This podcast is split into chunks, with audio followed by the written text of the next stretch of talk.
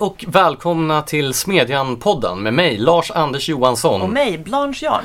Och med oss idag har vi eh, ingen mindre än Isak Skogstad. Välkommen hit. Stort tack, stort tack. Så, vem är du? Ja, det var en djupt filosofisk fråga till att börja med. Men eh, jag är då Isak. Jag jobbar som högstadielärare. Jag är 25 år gammal och eh, kommer ursprungligen från Kungälv. Men eh, idag jobbar jag som högstadielärare som sagt i Nacka på Engelska skolan där. Och varför blev du lärare? Ja, men jag har vetat det egentligen ända sedan jag gick i lågstadiet tror jag. Eller i alla fall mellanstadiet, att det var lärare jag ville bli. För att jag gillade skolmiljön så mycket. Alltså, dels de sociala aspekterna av det, att man får träffa vänner. Men också kunskapsförmedlingen och jag var väldigt nördig som litet barn och älskade verkligen att lära mig mycket. Och var, blev avundsjuk på lärarna som fick stå inför alla andra och förklara. Jag gillade att ta plats också. Så själva valet att bli lärare var självklart från en väldigt tidig ålder. Kunskapsförmedling och socialt liv, det är precis vad jag inte förknippar med skolan. Ja, nej, men det, det var det som fick mig in på det spåret. Eh. Kommer du från lärarfamilj eller? Nej, nej, jag har ingen lärare i släkten faktiskt. Eh, så att jag, jag blev den första. Så vad är, det, vad är det bästa och det sämsta med ditt yrke och var inte för cheesy när du svarar för då kommer ingen tro på dig. Nej, jag, jag ska vara helt uppriktig. Eh, det roligaste med mitt yrke är när man står inför en klass med elever och man har de här intensiva diskussionerna där eleverna är väldigt intresserade och det blir det här samtalet som man känner att de får ut väldigt mycket utav och, och jag kan samtidigt lära dem någonting som jag hade velat veta när jag var i deras ålder. Eh, och eh, det mest negativa med eh, läraryrket eh, är nog att eh, ja, det är ju flera saker som kan vara jobbigt. Dels att man ofta förväntas vara nåbar och att många vill påverka exempelvis hur man sätter betyg och dylikt.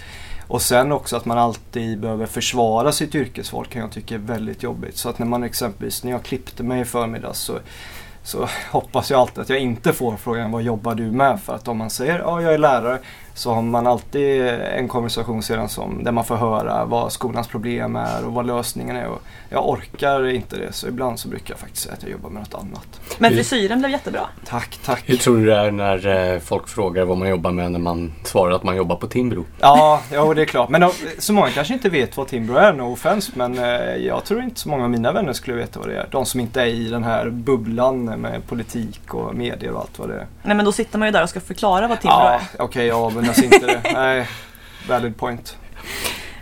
Ja, om du inte arbetade i skolan, vad skulle du jobba med då? Jag skulle nog vilja arbeta som journalist. Jag har alltid gillat att skriva och jag gick eh, samhällsvetenskaplig linje på gymnasieskolan eh, med inriktning mot media. Och redan då så tyckte jag också att jag var rätt bra på att skriva reportage och sådana texter. Och jag tror att det har att göra med att jag växte upp med Göteborgs-Posten vid frukostbordet och från tidig ålder läste tidningen helt enkelt och fick en känsla för språket och ja, men var intresserad av eh, Günther Wallraff och eh, allt sådant. Eh. Så att jag hade gärna velat jobba som journalist och det vill jag nog än idag men ja, det är ju det är klart att det kanske inte är den bästa branschen att ge sig in i om man vill ha en trygg, trygg anställning och, och bra betalt och så. Är det det intresset som fick dig att börja opinionsbilda också? Nej, det är det väl nog inte. Eller det är klart att jag tror att eh, jag hade ändå någorlunda hantverket att kunna skriva. Men det som fick mig att börja intressera mig för skoldebatten och ge mig in i den eh, var nog eh, att jag såg en, jag eller jag blev medlem på Twitter, gick med där. Blev medlem på Ja, jag blev beviljad medlemskap på det här nätverket Twitter och så såg jag, följde jag en annan lärarstudent som eh, la ut då en länk till en artikel hon hade skrivit i eh, Metro. Och då tänkte jag faktiskt helt ärligt som så att eh, men om hon klarar det då kan väl jag också skriva en artikel för en tidning. Och eh, därefter så började jag att eh, försöka mig på det då. Och fick en artikel publicerad i, om det var Metro eller SVT Opinions, deras webbsida. Eh, och eh, sedan tog jag upp mitt eh, politiska engagemang. Jag var ju politiskt engagerad i gymnasieskolan i SSU. Och och eh, återaktiverade mig som sagt på högskolan när jag pluggade till lärare i S-studenter då eh, lokalt på skolan.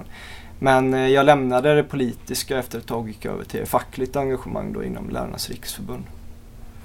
Du har ju på ganska kort tid fått ett stort genomslag för din opinionsbildning. Man läser dig nästan överallt. Hur kommer det sig? Jag tror att eh, utifrån en betraktares perspektiv så kan det nog upplevas en väldigt kort tid. Men jag kan ju bara känna att jag kanske i fem års tid har hållit på att skriva och skriva och skriva. Men eh, absolut, jag kan ju också märka att det är kanske först nu jag blivit ganska etablerad och börjar få ja, förfrågningar om att skriva och få betalt för att skriva och få tacka nej till uppdrag för att hinna med och sådant. Så att eh, hur det kommer sig? Ja, jag vet inte men jag tror att min USP så att säga, det som eh, är som gör, som särskiljer mig från andra tyckare om skolan är att jag dels är ganska ung och har väl åsikter som många anser vara ganska traditionella och förknippade med kanske den äldre lärarkåren. Och sen att jag arbetar som lärare, det är väl kanske det viktigaste, alltså har eh, en fot in i klassrummet varje dag. Och sedan därtill att jag är intresserad av skolsystemet nationellt och skolpolitik. Så jag har både det kvalitativa så att säga, alltså perspektivet inifrån klassrummet. Men jag är också intresserad av skolsystemets utformning nationellt och internationellt för den delen också. Betraktar du dig som en borgerlig skoldebattör? Um, Nej, uh, jag, jag, ja, det här blir ju bortklippt på den.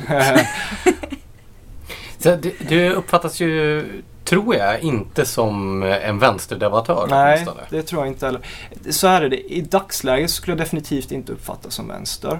Och, eh, men om man backar bandet ett tag så skulle man kunna betrakta mig som vänster. För att det har alltså skett ett eh, skifte här där det tidigare huvudsakligen har varit alltså arbetarklassens bildningsideal som har präglat skoldebatten. Att man ska anstränga sig och eh, bildning är viktigt att läsa och skolan är biljetten till framtiden. Men den retoriken har, eh, har många partier åt vänsterkanten lämnat till förmån för borgerliga partier som har tagit över den retoriken och driver det här eh, bildningsidealet framför. Så att eh, jag är mycket väl medveten om att många av mina åsikter betraktas kanske vara åt mer höger än vänster men jag menar att eh, att eh, det är så det är idag men det inte har varit så tidigare. Och eh, därtill så menar jag ju att eh, alltså jag har ett gammalt engagemang inom socialdemokratin och eh, jag gick ju med i det partiet för jag drivs av idén av, av rättvisa i samhället och jämlikhet och då är skolan en väldigt viktig faktor för att uppnå det. Och då tror jag mycket på att skolan ska kompensera för elevernas bakgrundsförhållanden och dylikt och då behövs en kunskapsskola. Så jag försöker att både svinga till höger och vänster i skoldebatten men jag förstår att vissa vill betrakta mig mer som höger än vänster definitivt. Vad är då den största myten du stöter på i skoldebatten? Ja, den störst, jag vet inte om den är störst men i alla fall mest destruktiva idén om att elever själva drivs av lust att lära och att skolan ska bejaka detta på det sättet att de ska skapa en god lärandemiljö och låta eleverna själva söka sig fram till kunskap och utifrån sina egna intressen. Och eh, jag menar ju att det är fundamentalt fel. Dels för att det utgår från att elever gillar att lära sig och det finns ju naturligtvis exempel på det men generellt sett alltså om man beaktar kognitionsforskningen så är det väldigt tydligt att hjärnan är väldigt dålig på att tänka och vill gärna undvika att tänka. Det hjärnan är bra på är automatiserade eh, ting som exempelvis eh, uppfattning om det vi ser, rörelser, hur vi rör oss och sådant. Det är också därför det upptar en ganska stor del av själva hjärnans utrymme så att säga. Tänkandet är både ganska långsamt och krävande så att om vi kan undvika det så gör vi gärna det. Eh, och det måste man ju beakta i skolsammanhang för det betyder att eh, eleverna helst vill undvika att tänka. Men det är när vi tänker som vi lär oss. Jag kommer att tänka på den debattartikel som Alice Bakunke och Gustav Fridolin skrev tillsammans i början av mandatperioden. Där de argumenterade för att eh, just lusten att lära är den stora utjämnaren mellan elever från olika bakgrunder för att den delar alla medan alla inte har lika många böcker i sina föräldrars bokhylla. Nej, vet nu att jag blir lite irriterad på dig för att på vägen hit så satt jag och skrev ner min telefon saker jag skulle ta upp i den här podden. Och då tänkte jag precis på det exemplet. Gustav Fridolins och Alice Bah Kunkes debattartikel där de betonade lust och lära. För det menar jag ju, alltså, visar ju på det feltänket som eh, har präglat miljöpartistisk utbildningspolitik. Men jag vill också passa på att hävda att eh, Gustav Fridolin har faktiskt har ändrat sig ganska rejält under den här eh, mandatperioden. För att som du nämnde så var det i början han skrev den här überflummiga artikeln om att ah, det ska vara lust och man ska leka sig till kunskap och allt vad det är. Eh, men nu på senare tid så har han tagit ställning för katederundervisning och mer faktakunskaper och sånt. Och om det beror på att han faktiskt har ändrat uppfattning genuint eller om det är för att han eh, ja, men, följer med den allmänna strömmen i debatten som har gått mer åt det hållet enligt mitt tycke. Det vet jag inte men jag hoppas att han har ändrat åsikter faktiskt. Han kanske har blivit lite äldre och fått mer distans till gymnasiet och högstadiet själv? Det låter jag osagt men det är väl, det är väl fullt möjligt. Ja, ska vi då gå in i det eh, övergripande block som vi i våra anteckningar har kallat för skolans problem. Mm. Eh, och börja med den väldigt öppna frågan. Vilka är de största problemen som svensk skola har att hantera idag? Det absolut största problemet och det kanske mest allvarliga i dessa tider är den systematiska klyftan i eh, kunskaper mellan privilegierade och icke-privilegierade elever. Och det betyder ofta i praktiken mellan svenskfödda och invandrarelever eller mellan arbetarpojkar och medelklassens flickor. Det är alltså en, eh, en kunskapsklyfta som upprätt, upprätthålls eh, i den svenska skolan. Den bryter alltså inte det. Så när vi, eh, om man läser alla läroplaner och styrdokument för skolan så står det att skolan ska kompensera för elevernas bakgrund. Och, ja, vi har någon idé om att eh, genom skolgången så kan man ta sig dit man vill. Men eh, om vi tittar på resultatet så visar det att det faktiskt inte är så. Och trots att det är ett, eh, absolut ett stort problem så tenderar debatten fortsatt att handla om ja, de mest triviala tingen som exempelvis klassstorlekar och huvudmannaskap och ja, antal lärare per elever och sådant. Och, och det kan vara viktiga frågor, det ska man inte sticka under stol med. Men det absolut viktigaste är vad som händer i klassrummet. Men vad tror du den här klyftan beror på? Det, har, det finns många orsaker till det. Men jag menar att en viktig faktor som ofta inte tas upp till debatt är just hur pedagogiken i den svenska skolan utformas. Och då menar jag ju att eh, det finns mycket som talar för att den pedagogiken som har varit i svensk skola och som har utökats under de senaste decennierna är att man har gått från den här mer katederundervisning, alltså traditionell lärarledd undervisning, till att eleverna själva får ett ökat ansvar, eget arbete, grupparbete. Det är naturligtvis så att det inte är svart eller vitt, det är inte binärt på det sättet att antingen har man det eller inte. Men pendeln har svängt alldeles för långt åt ena hållet och de formerna av pedagogik kan vara framgångsrika men de är inte framgångsrika när det gäller att lyfta noviser, alltså elever och speciellt inte de som inte kommer från akademikerfamiljer eller på andra sätt kan kompensera för det. För det är just det som är grejen med skolan är att eh, om skolan misslyckas så kommer alltid de som har det bra eller kommer från privilegierade hem klara sig oavsett. För att föräldrar kan köpa till undervisning eller på andra sätt lösa det. Men de svagaste klarar sig inte då. Så um, vad är själva ursprunget till den här, den här eh, klyftan, kunskapsklyftan som du beskriver? Ja, man kan ta det så långt att man går tillbaka till 1700-talet och Rousseau när han skrev sitt... Now we're eh, talking!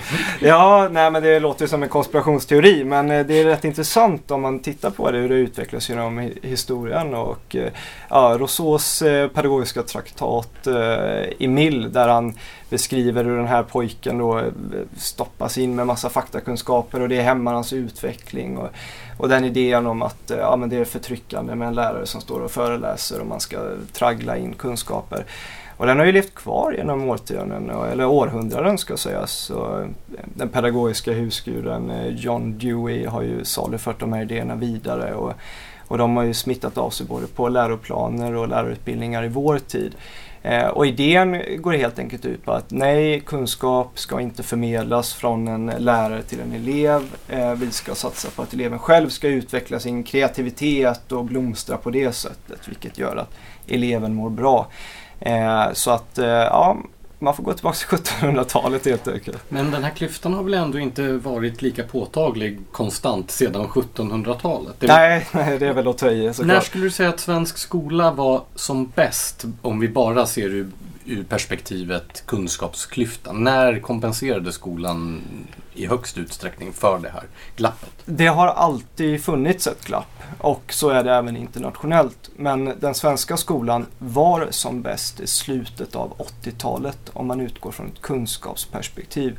Då visar eh, data att eh, svenska elever som lämnade grundskolan i slutet av 80-talet presterade som allra bäst, vilket även eh, kunde bekräftas med hjälp av mönstringsdata från militären. Då.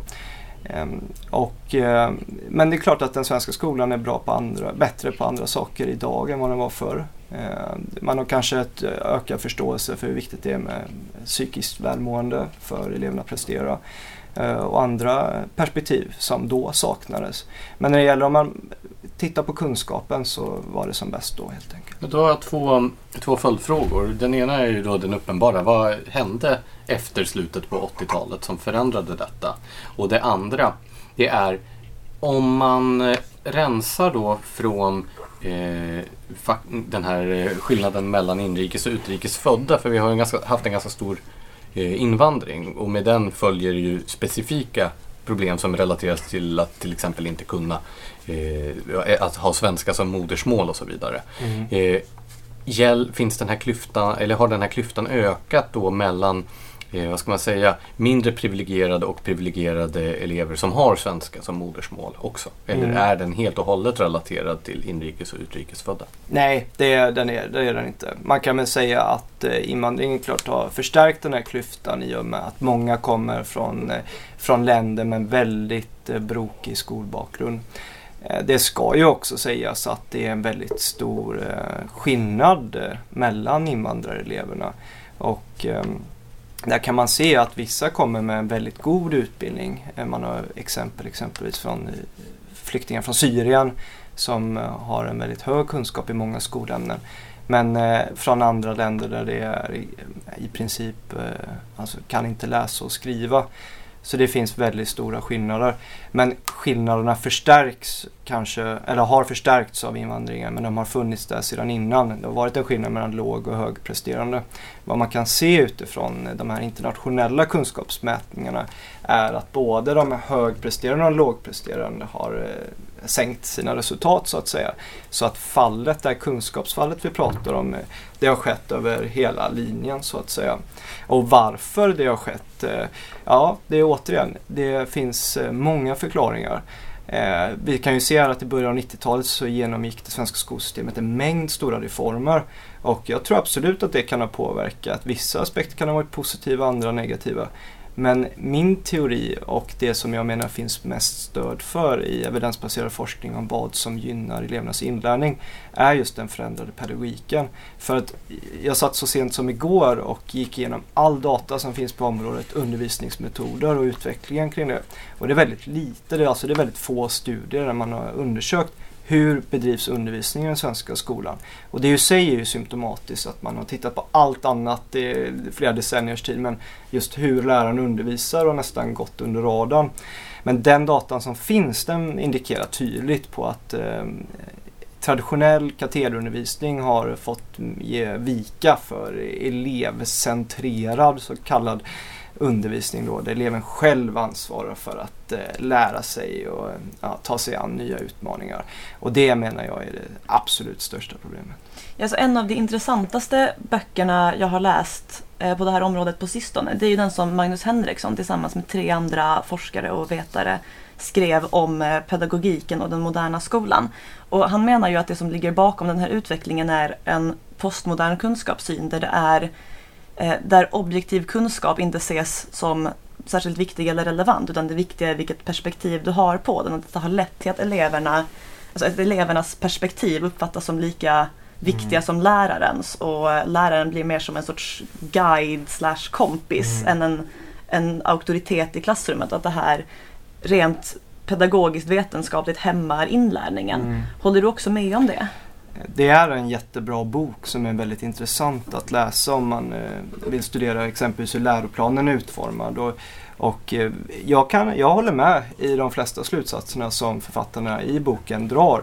Och eh, gällande det postmoderna är ofta, folk gillar att slänga sig med det begreppet och, och folk gillar också att hata mot det begreppet så att säga. Eh, men visst finns det väl några postmodernistiska drag och speciellt i termer av att man ofta betonar just processen för att nå någonstans och kanske inte slutresultatet. Man har en slags skeptisk hållning till, eh, till att mäta kunskaper och, och fastställa huruvida någon har nått till målet eller inte. Eh, och, eh, och ja, ja, absolut finns det stora problem med de svenska läroplanerna exempelvis. Det, det, handlar om att man inte betonar tillräckligt mycket med ämneskunskaper och eh, att eh, man helt enkelt premierar elever som resonerar och kommunicerar och, och mer hur man visar sina kunskaper. Och det menar jag ju då har systematiskt missgynnat de svaga eleverna och eh, vilka är då vinnarna på att man ska snacka fint i skolan? Ja men det är ju typ medelklassens flickor som har fått det här fina språket hemifrån och kan liksom snacka snyggt så att säga. De eh, gynnas ju i ett sådant system där man lägger vikt vid att kommunicera. Och faktum är att eh, eh jag och eh, skolexperten Per Kornald kunde för ett tag sedan avslöja hur Skolverket hade tonat ner faktakunskaper i skolans styrdokument trots att de hade uppdragit att förstärka betoningen på faktakunskaper. Och en intressant detalj som, som väldigt få reagerade på när vi släppte den artikeln var att Skolverket hade alltså lagt till skrivningar om att man ska kommunicera. Och det hade de ersatt då att man ska eh, eh, kunna faktakunskaper utan till. Det hade man slängt bort och så nu var det fokus på att kommunicera. Och det tycker jag är symptomatiskt för den svenska skolan då, förklara ner det. Och detta i strid då med uppdraget från politikerna? Ja, det var det. Alltså det var väldigt tydligt. Det, det låg två utredningar till grund för vad som skulle bli den nya läroplanen och eh, vi, kan ju, vi visade ju helt enkelt hur man helt enkelt struntade i, i uppdraget. Och det här är då tjänstemän som driver en egen agenda? Ja. Vad är, du har nämnt i något sammanhang att det här är något slags pedagogiskt etablissemang eller? Ja, ja alltså om man, om man tänker på vad är definitionen av ett etablissemang? Ja, det, det är grupper premierade individer som upprätthåller en idé och är beredda att försvara den. Eh, och det är exakt vad vi kan se i den svenska skoldebatten. Det är klart att det inte är så att det är ett etablissemang som stänger in sig på rum och smider elaka planer för hur man ska förstöra skolan. Men det, är, det finns många personer på mäktiga eh, positioner inom skolsystemet. Vi hittar dem i skolmyndigheterna men framförallt ute på de pedagogiska institutionerna. Som har stor makt över eh, ja, men, lärarutbildningens utformning och den syn på lärande och inlärning som förmedlas till tiotusentals blivande lärare varje år Eh, som har tenderat att ha ett visst perspektiv på lärande som helt saknar stöd i kognitionsforskning. Och det är just därför jag menar exempelvis då att eh, den svenska lärarutbildningen eh, den har gått helt vilse. För att man fokuserar bara på de här pedagogernas idéer om hur lärande sker. Trots att många av de mest välspridda teorierna kring hur inlärning sker har motbevisats gång på gång. Man bortser helt från rönen från kognitionsforskningen vilket jag tycker är anmärkningsvärt. En bekant till mig har studerat eh, lärarutbildningen och vad han var väldigt kritisk till bland annat var just det här att fokus på pedagogiska teorier är väldigt tungt medan den rent praktiska utbildningen i hur man lär ut någonting, alltså hur man står inför en klass och mm. talar, mm. Eh, bortses från helt. Ja. Han nämnde till och med att han inte ens hade fått en timmes träning att faktiskt stå och skriva vid en whiteboard när Nej. han kom ut i klassrummet först. Nej. Men, det, men, det, men det, det, är helt sant, eller det kan inte jag säga att det är sant för att det är inte min upplevelse. Men, eh, jag, jag, har ju, jag tog ju ganska nyligen själv examen från lärarutbildningen och jag håller helt med. Och där återigen, det finns även studier som visar detta. Vad som har hänt är att eh, i strävan efter att höja läraryrkets status så har man akademiserat utbildningen in absurdum. Man har velat helt enkelt teoretisera alla praktiska moment för att det ska bli mer vetenskapligt förankrat. Nu använder jag citationstecken med, med fingrarna här nu för att göra det tydligt. Eh, och vad det har inneburit är ju då att man har plockat bort det praktiska. Det som kallas för metodik alltså. Hur bedriver man undervisning i ett klassrum? Och ersatt det med så här, Eh, abstrakta studier i eh, pedagogik med sovjetiska filosofer eh, från 1900-talets början. Så att absolut, det är ett stort problem. Och det, det, leder ju tyvärr till att många lärare går igenom fem år på lärarutbildningen och den enda kontakt med verkligheten de får är ju när de är ute på praktik. Och det kanske inte räcker för att eh, vi vet också att eh, drygt var femte nyutexad lärare lämnar efter bara typ två eller tre år i yrket.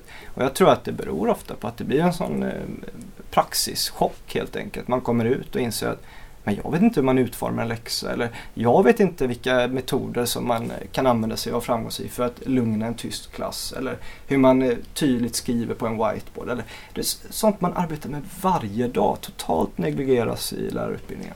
Timbro släppte ju för några år sedan en rapport om eh, en eh, skola, eller jag tror det till och med var ett skolområde i London ja, där man har eh, jobbat väldigt mycket med det här när man anställer. Att lärare måste liksom provundervisa och visa att de har de här praktiska kunskaperna som ju inte alla mm. som tar examen i Sverige idag besitter. Tror du det är en modell vi borde inspireras av här i Sverige? Ja, det, det, kan ju skolor göra idag. När jag sökte mitt jobb på den skolan jag jobbar nu då fick jag ju hålla en lektion då inför en, en seniorlärare på skolan som i sin tur då fick återkoppla till rektorn hur väl jag skötte mig. Ehm, eh, och, men jag kan ju tycka att det är ju en kvalitetsstämpel som borde följas med när man har en, ett lärarlägg eller man har gått igenom lärarutbildningen. Att man ska förvänta sig att en som är färdigutbildad lärare Eh, ska besitta kvaliteterna att kunna bedriva god undervisning. Eh, det finns ju flera skolor som eh, lärarhögskolor nu då som har försökt med mm, inträdesprov då där man helt enkelt får visa de här praktiska aspekterna och det tycker jag kan vara en mycket framkomlig väg för att komma till rätta med de problemen. Hur ser du på rekryteringsunderlaget för lärarutbildningarna? Min erfarenhet som nu ligger ett decennium tillbaka i tiden var ändå att det var många som till exempel läste humaniora eller samhällsvetenskapliga ämnen som sen läste lärarutbildningen för att då ha något att falla tillbaka på. Att det blev som ett slags negativt val snarare mm. än att de aktivt sökte sig dit. Mm. Um, gällande rekryteringen av nya lärare så är det faktiskt en fråga som, uh, som skrämmer mig som allra mest. Eh, och det tar ju verkligen emot att säga detta som själv är nyutexad lärare. Men om man betraktar studenternas studiemeriter, alltså studenterna som väljer lärarutbildningen, så kan man säga att det finns ingen annan högskolegrupp av studenter vars studiemeriter har fallit så kraftigt som eh, lärarstudenternas. Och då är det studiemeriter som omfattar allt ifrån gymnasiebetyg eh, till IQ-tester och poäng på högskoleprovet. Och det fallet har varit så kraftigt på bara några få decennier. Ja, om jag minns rätt så, eh, så har andelen eh, lärarstudenter som antas med väldigt låga gymnasiebetyg, alltså under 12,0 i snitt, Eh, ökat med tio gånger eh, om man jämför eh, 80-talet och 90-talet. Där. Och det har gjorts en bra kartläggning av detta av Emil Bertilsson vid Uppsala universitet som visar på den dramatiska utvecklingen. Ja, det är ju inte, för att inte tala om det här skräcksiffrorna, man läser dem ibland, att det, du inte ens behöver chansa och kryssa i A på alla frågor i högskoleprovet för att bli antagen till lärarutbildningen. Men alltså, jag tänker ju på det här som, som en negativ spiral som har drabbat läraryrket där eh, den lägre, en lägre status, alltså lägre auktoritet hos läraren leder till att färre lockas till lärarutbildningen vilket leder till sämre kvalitet vilket sänker status och löner mm. ytterligare. Hur ska man bryta den här spiralen? Ja, det kan ju låta konstigt men jag tror absolut att man måste minska antalet platser på lärarutbildningen dramatiskt. Eh, trots den lärarbristen som vi har idag så är det ju som du säger att eh, i princip vem som helst kan komma in på lärarutbildningar om man gått igenom en gymnasieutbildning. Och det leder ju till att vi får eh, de här rubrikerna. Detta är en genuin rubrik från Dagens Nyheter 2015 tror jag. Då hade de rubriken 0,05 på högskoleprovet räcker för att bli lärare. Och det, det snappar ju folk upp och helt plötsligt får man bilden av att alla lärare ja, i princip eh, gissar sämre än schimpanser på högskoleprovet. Eh, och eh, det leder till en sämre status och en bild i, i samhället av att vem som helst kan bli lärare och det, och det är liksom inte ja, de skarpaste knivarna i lådan som väljer det yrket. Och det försvårar ytterligare att eh, höja yrkets status och attrahera nya skickliga studenter. Och det finns jättemånga undersökningar som visar att eh, ambitiösa studenter med höga gymnasiebetyg kan tänka sig att bli lärare eller har lekt med tanken flera gånger men just avstått på grund av ja, men yrkets låga status och istället väljer man utbildningar som, som jurist eller ingenjör eller dylikt. Så vad, vad skulle höja statusen? Nej, jag tror att ett viktigt steg för att höja statusen är som sagt att minska antalet platser på lärarutbildningen rejält. För att få bort de här rubrikerna om att vem som helst kan bli lärare. För att faktiskt få konkurrens om platserna. Och det kommer ju naturligtvis initialt att leda till eh, att lärarbristen förvärras. Men jag tror att ur ett långsiktigt perspektiv så är det helt avgörande för att öka yrkesattraktivitet och säkra kompetensförsörjningen till Sveriges skolor i, i det längre perspektivet. Jag tror du har helt rätt i det. Jag eh, intervjuade för ja, tio år sedan blir det nu Leif Alsheimer som var, ja, han var docent i handelsrätt men var, höll på och föreläste mycket om bildning och utbildning och så vidare. Eh, för Access Magasin intervjuade jag honom och i den här intervjun så kommenterade han lärarutbildningarnas status. Och, ja, det här var ett decennium tillbaka i tiden men mm. han sa att en bombmatta över alla lärarutbildningar vore en nåd att stilla bedja om. Oj då. För han menade att just lärarutbildningen som sådan var en hämmande ja, ja. faktor för yrkets status. Att det skulle vara bättre att rent av ha då, ja, sådana som inte har gått en lärarutbildning men som har sakkunskaper inom sina ämnesområden. Ja, alltså många av de bästa lärarna jag har haft när jag tänker efter har faktiskt inte börjat som lärare utan börjat som yrkesaktiva. Mm. Nej, men det här är ju också någonting som smärtar för mig att säga. För jag har gått eh, fem år på lärarutbildningen. Och jag önskar att jag ärligt kunde säga att de fem åren på lärarutbildningen var en bra investering. Eh, inte bara ekonomiskt då, utan även i min egen kompetens då, eller kunskap att bedriva god undervisning. Jag betvivlar faktiskt det starkt. Alltså om man tittar på den evidens som finns om vad utmärker skickliga lärare så visst kan man se att eh, ämneskunskaper är väldigt viktigt. Men det finns ingen tydlig koppling mellan exempelvis studier i pedagogik och eh, att eleverna lär sig mer. Eh, och jag tror absolut att eh, vi kanske, eller att vi borde lägga ner lärarutbildningarna i sådant som de ser ut idag och bygga helt nya från grunden. Och min idé för en sådan lärarutbildning skulle vara då att man endast tar emot eh, studenter som har eh, högskoleexamen i ett undervisningsämne. Säg exempelvis att man eh, eh har läst eh, geografi och man har plockat på sig en kandidatexamen i geografi. Sedan kan man ansöka till en lärarutbildning som är på max två terminer. I den här lärarutbildningen så tillbringar man halva sin tid ute i klassrummet och halva sin tid läser man dels det man måste ha koll på, typ skoljuridik för, för betygssättning och, och dylikt.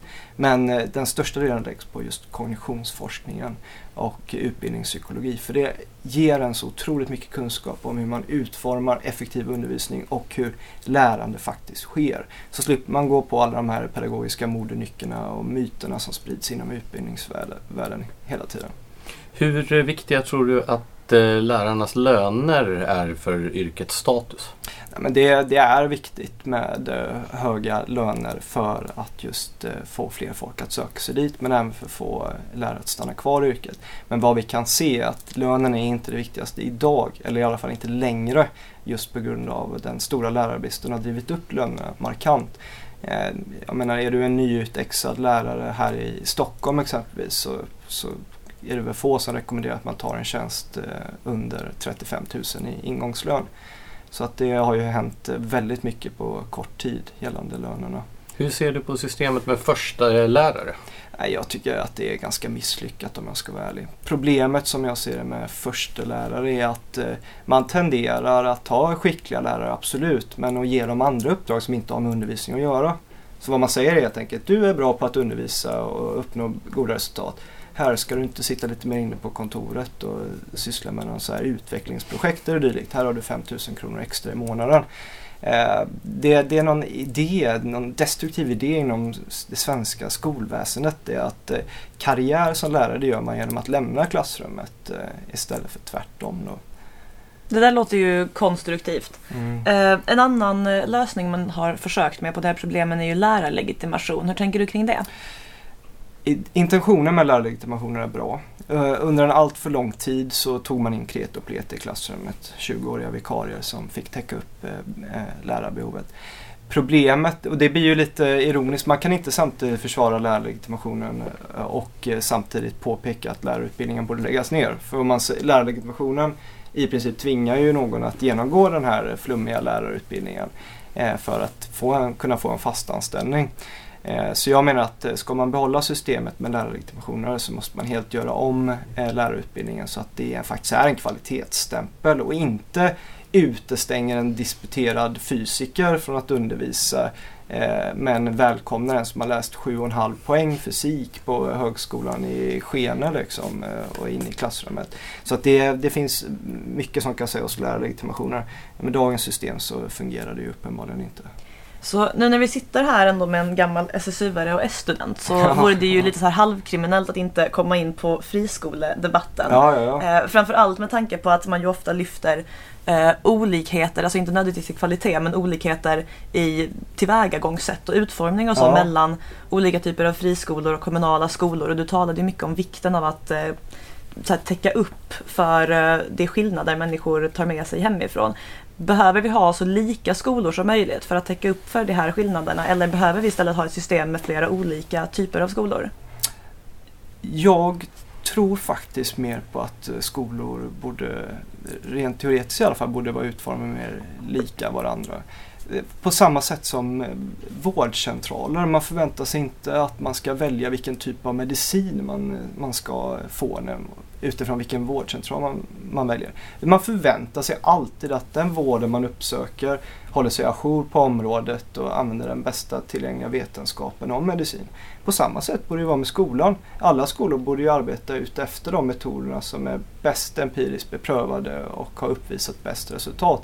Och det innebär ju att, eh, att det kanske inte borde finnas utrymme för aktörer som, eh, som har någon pedagogisk idé om att eleverna ska jobba individuellt med datorer för att utveckla kreativitet och sånt. För det, det, liksom, det fungerar inte men det har varit en väldigt framgångsrik affärsmodell för många. Så jag tror inte på det här att vi ska ha en mångfald av pedagogiska alternativ som det brukar sägas. Det är ett dåligt argument för friskolor. Däremot finns det andra sätt man kan eh, argumentera för att det ska finnas en mångfald av aktörer. Men just eh, när det gäller det pedagogiska innehållet i skolan så nej, då är det en återvändsgränd. Från vänstersidan så brukar ju just friskolereformen anföras som ett av de då största problemen, eller en av de grundläggande orsakerna till eh, kunskapstappet i den svenska skolan. Eh, tror du att friskolereformen har varit i huvudsak positiv eller i huvudsak negativ för kunskapsutvecklingen, och kvaliteten i skolan? Ingenting av de alternativen. Utifrån det vi vet eh, så så indikerar det att det har haft vissa positiva effekter, marginella positiva effekter på kommunal nivå. Att det helt enkelt har ja, sporrat den kommunala skolan till att bli något bättre. Men eh, det har ju naturligtvis funnits många dåliga exempel. Jag menar senast eh, för någon vecka sedan nu så eh, kunde vi läsa i tidningen om den här Torén Business School som, som stängde ner helt plötsligt och det var en, eh, en skola vars eh, pedagogiska modell var just det här med att eleverna själva ska söka sig till kunskap och allting. Och, eh, och uppenbarligen borde inte ett sådant alternativ ha fått startat. Så att jag, jag tror att man tillskriver friskolereformen allt för, allt för stor vikt helt enkelt. Det, är inte, det finns inte stöd för det. Å andra sidan ska det också påpekas att eh, jag kan tycka att högern generellt sett eh, lovordar friskolereformen alldeles för mycket och, och tillskriver det jättepositiva resultat och utan friskolereformen så skulle skolan varit ännu mer åt skogen. Men, men det finns inte heller stöd för så man måste liksom ha lite koll på fakta i den här debatten. Alltså jag själv som ju ändå är väldigt mycket för friskolor och valfriheten och så ser det ju som att om man överlämnar för mycket åt eh, det offentliga, till exempel regering eller kommuner att bestämma hur skolan ska vara så finns det ju en påtaglig risk att det bestämmer att det ska vara på ett dåligt sätt och då blir ju alla skolor dåliga. Mm. Så jag ser ju friskolor som en sorts riskminimering. Mm. Att så här skolorna testar sig fram. Ja, nu är det ju som så att eh, de centrala styrdokumenten som alla friskolor ska följa under, de är ju fortsatt eh, centralt reglerade. Och, eh, och för mig, många halvt populistiskt brukar falla in i argumentationen att ja, men skolan borde få eh, välja mer själva, lärarna borde få styra utformning och allt sånt. Politiska, politiker ska inte lägga sig i men men i skolan, jag tycker det ska vara demokratiskt styrd. Alltså vi ska kunna rösta bort någon som förstör skolan eller rösta in någon som har bra idéer för att förbättra skolan. Eh, men, eh, ja, men absolut, det kan ju vara, eh, finnas positiva aspekter om man ger ökat mandat för skolor att själva driva sina linjer jag önskar att det fanns mer skolor eller fler skolor som, eh, som kanske satsade mer på språkundervisning eller ja, lite mer bildning kanske. Men dessvärre det vi får se är ju typ eh, vi satsar på e-sport och Counter-Strike och allt vad det är för att locka till sig elever. Så att, eh, och det har ju med de ekonomiska incitamenten att göra. Då, såklart. ja, det där leder ju in på en annan kritik som vänstern ofta brukar lyfta, nämligen den här marknadifieringen av mm. skolan. Att eleven och i någon mån föräldrarna i egenskap av så att säga kund har hamnat för mycket i centrum och att deras eh, vad det vill ha ut av det hela ofta är ett bra betyg snarare än det gedigna kunskaper som inte är lika kul att ta till sig som du nämnde innan. Mm. Tycker du det ligger något i det här eller tycker du det är orimligt? Nej men det, det ligger absolut någonting i det. För att vad vi har utformat är ett skolsystem som, eh, som är en slags eh, pseudomarknad där man Eh, helt enkelt skickar en skolpeng med eleverna och eh, skolan själv eh, ser till att bedöma sin egen kvalitet genom att sätta sina egna betyg och rätta sina egna nationella prov. Så den totala avsaknaden av rigorösa externa kunskapskontroller leder ju till att, att det inte fungerar, att det inte är en riktig marknad där man faktiskt kan se hur väl skolor presterar. Så det är ju ett systemfel som måste åtgärdas. Du arbetar ju själv i en friskolekoncern som eh, vad jag förstår har fått eh, ganska goda vitsord både från då Skolverket och från eh, elever och föräldrar som går där. Tror du att det hade varit möjligt om det hade varit en kommunal skola? Vad hade varit möjligt? Den typen av resultat som Internationella Engelska Skolan levererar. Nej, det hade säkerligen varit möjligt i teorin. Det som jag tror praktiskt eh, försvårar möjligheterna är att väldigt få kommunala skolor drivs av någon slags idé. Det är mer ett eh, politiskt beslut som tas att här ska det startas en skola, nu tillsätter vi en rektor. Och kanske inte att man har någon grundläggande pedagogisk idé som präglar hela verksamheten. Och då menar jag inte att man ska utforma pedagogiken eh, på några konstiga eller flummiga sätt. Så. Men i, i det, Engelska skolan då, där jag jobbar, där har, har man en idé om att det är väldigt viktigt med ordning och reda och beteende och uppförande. Det är en idé som eh, alltså man arbetar utefter även utanför klassrummen, i korridorerna, i eh, elevernas matsal och så. Och, och det har ju uppenbarligen varit haft en väldigt hög efterfrågan på det från föräldrar och elevers håll. Det är därför vi ser att det finns så stort intresse för för Engelska skolan. Och eh, ja, det hade väl i teorin som sagt en kommun kunnat starta men eh, det blir ofta inte så i praktiken. Jag tänker på det här med segregeringen som vi talade om inledningsvis. Både mellan då utlandsfödda och inrikesfödda och mellan olika samhällsklasser det fria skolvalet har ju varit en möjlighet, eller innebär en möjlighet då för elever att faktiskt välja skolor som inte ligger i de områden där, som de är eh, Ja, där de bor. Tidigare så var det så att det var kommunens byråkrater som med en mm.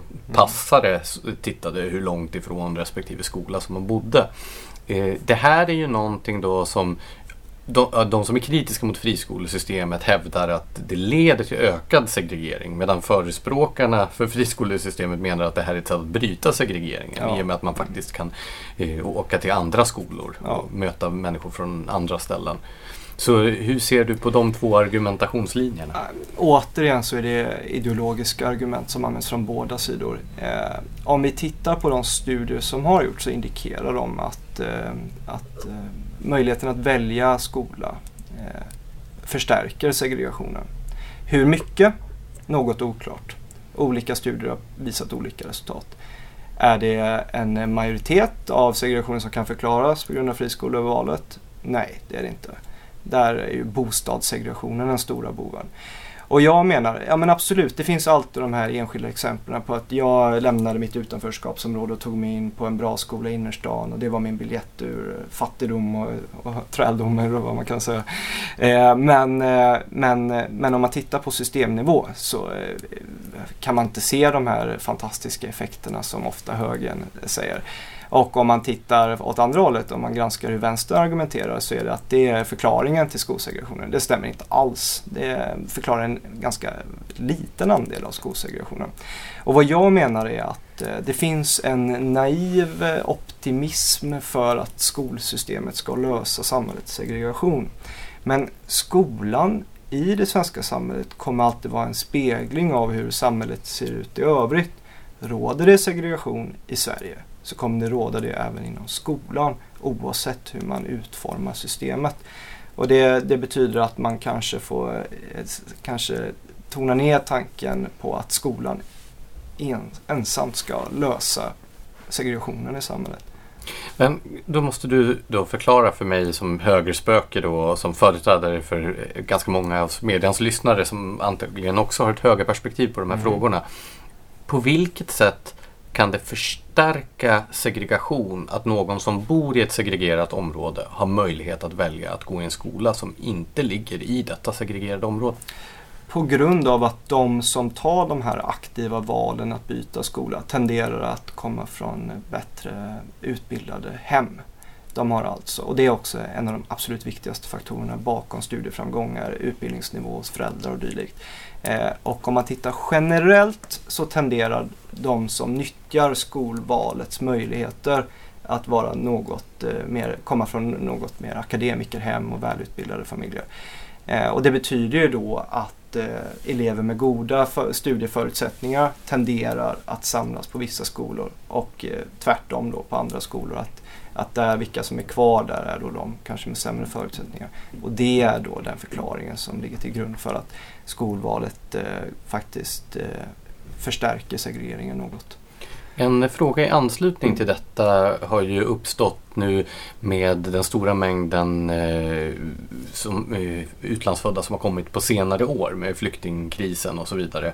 Eh, huruvida man ska då så att säga portionera ut dessa, alltså sprida dem jämnt mm. i klasser för att underlätta integrationen.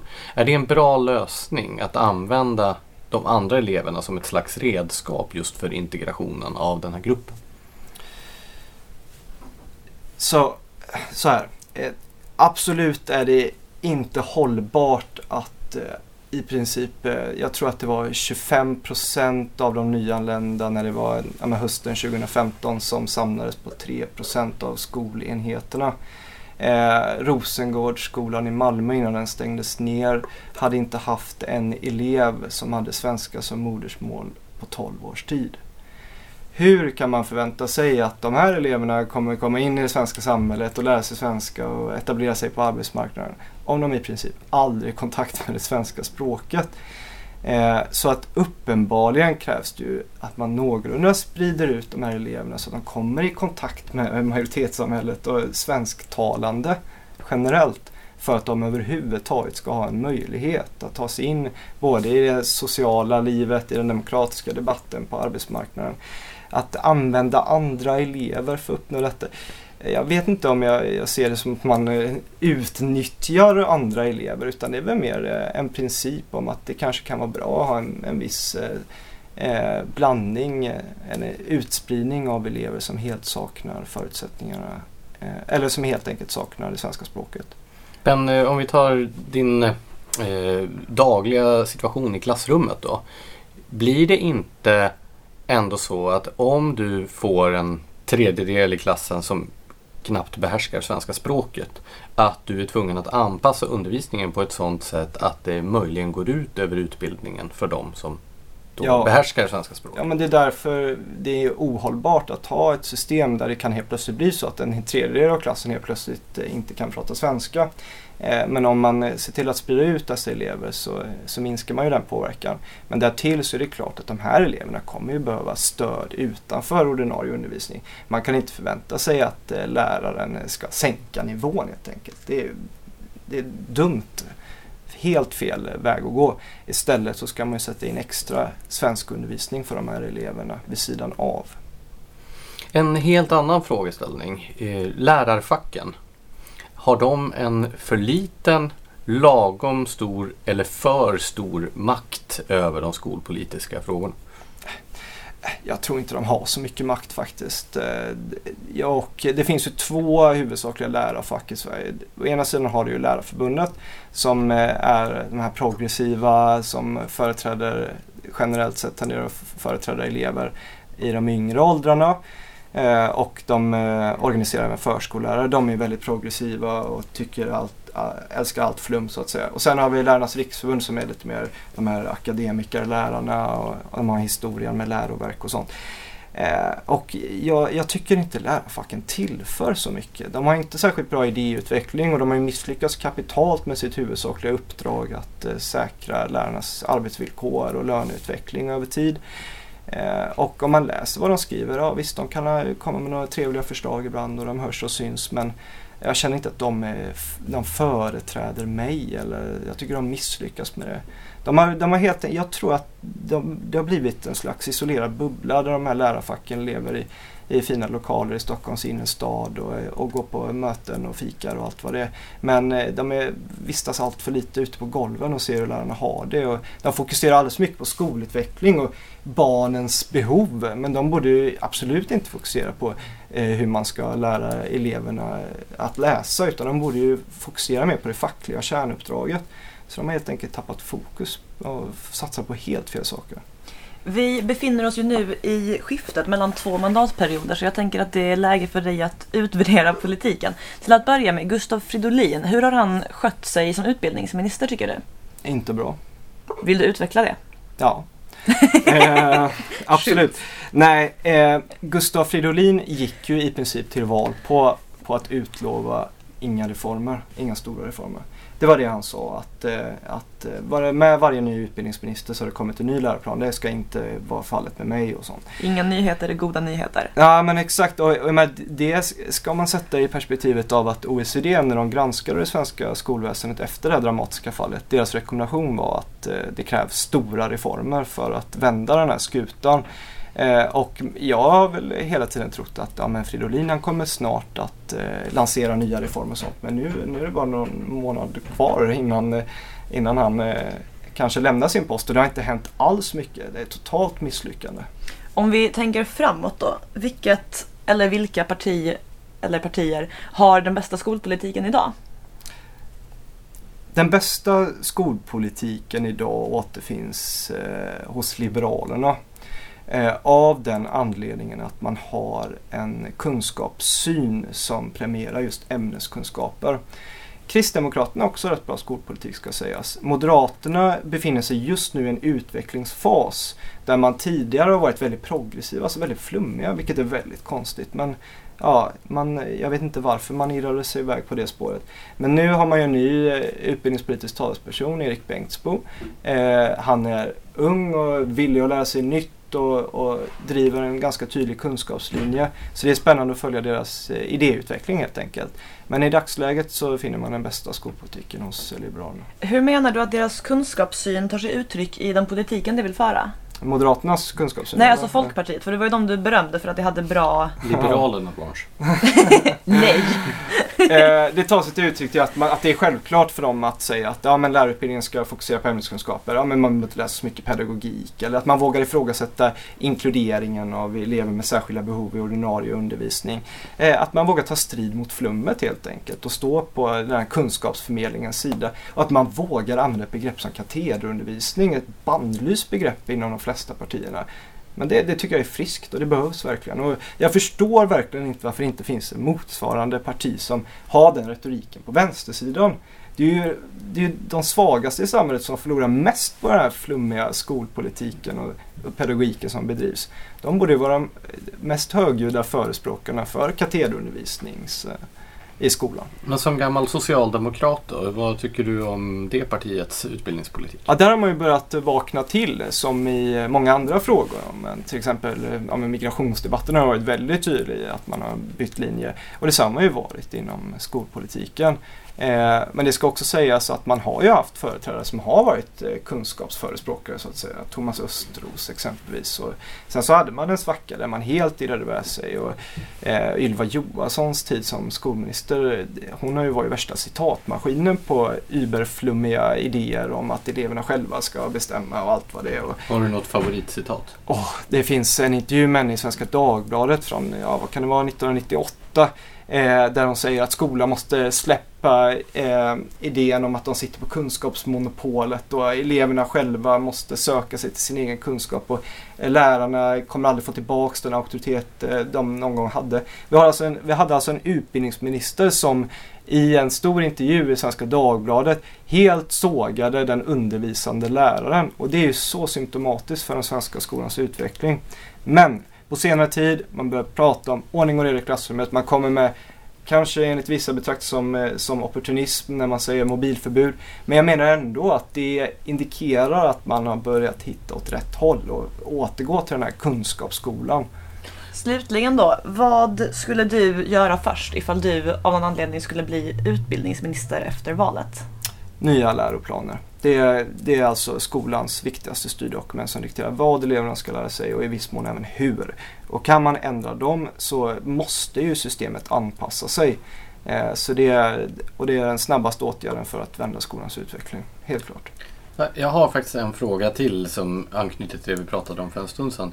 Alltså, vi hade ju ändå en borgerlig regering under åtta år med Liberalernas eller då Folkpartiets eh, utbildningspolitik. Om du skulle bara ge en sammanfattande recension av de åtta åren. Man gjorde mycket. Man förändrade lärarutbildningen åt ett bättre håll. Det blev inte bra. Eh, men man förändrade den åt ett bättre håll. Man förändrade läroplanen åt ett bättre håll. Det blev inte bra. Kort sammanfattat, alla de reformer man genomförde gjorde man alldeles för mesigt. Och det fanns ju bromsande krafter då. Exempelvis i regeringen satt Centerpartiet kanske mest flummiga skolpolitiken av alla partier i Sveriges riksdag. De är ju helt übergalna när det gäller flummande i skolan. Eh, och de fixar in exempelvis typ entreprenöriellt lärande. En helt galen metod om att eleverna blir kreativa om de själva utvecklar sina förmågor utan inblandning från läraren. Och Maud Olofsson skrev om detta i sin en självbiografi om att men när jag gick i skolan så lärde jag mig inte så mycket om, eh, av att läraren stod och förklarade för mig. Jag tycker att, och det var ju liksom baserat på hennes egna erfarenheter från sin skolgång för typ 40 år sedan, så driver hon igenom eh, sjuka förslag om att skolan ska anpassa sig efter Maud Olofssons eh, personliga uppfattningar. Och därtill så, ja som sagt, man har ju visat att eh, Skolverket kanske är lite ideologiskt färgat och har några andra idéer. Och sen har man alla de här pedagogiska institutionerna som som helt arbetar emot då, där eh, Björklund är personen non grata, alltså att man inte får, knappt så man får nämna hans namn i sådana kontexter. Så eh, man jobbade med, mot hårt motstånd men man eh, borde såklart ha gjort mer. Det tycker jag absolut. Då eh, brukar vi avsluta när vi har en sån här specialinbjuden gäst med att be honom eller henne om en bokrekommendation. Mm. Vad tycker du att Smedjan-poddens alla lyssnare borde gå och köpa för bok härnäst? Är man intresserad av skolfrågor och vill veta förklaringen till skolkrisen och lösningen på den samma kris så rekommenderar jag boken Why Knowledge Matters av E.D. Hirsch. Som är, han är professor i litteraturvetenskap om jag minns rätt. Men det är en fantastisk bok där han går till botten med de här felaktiga antaganden och idéerna om utbildning och inlärande och med hjälp av kognitionsforskning visar hur viktigt det är med faktakunskaper och hur inlärning faktiskt sker och hur god undervisning ska utformas. Det är min personliga bibel i de här frågorna. Jag kan tillägga att Isak nu ser som mest entusiastisk ut av vad han gjort under hela det här programmet. Ja men den är så fantastiskt bra den boken. Alltså. tack så mycket för att du kom hit och gjorde oss sällskap Isak Skogstad. Stort tack, stort tack. Och trevligt sommarlov. Ja tack du, tack.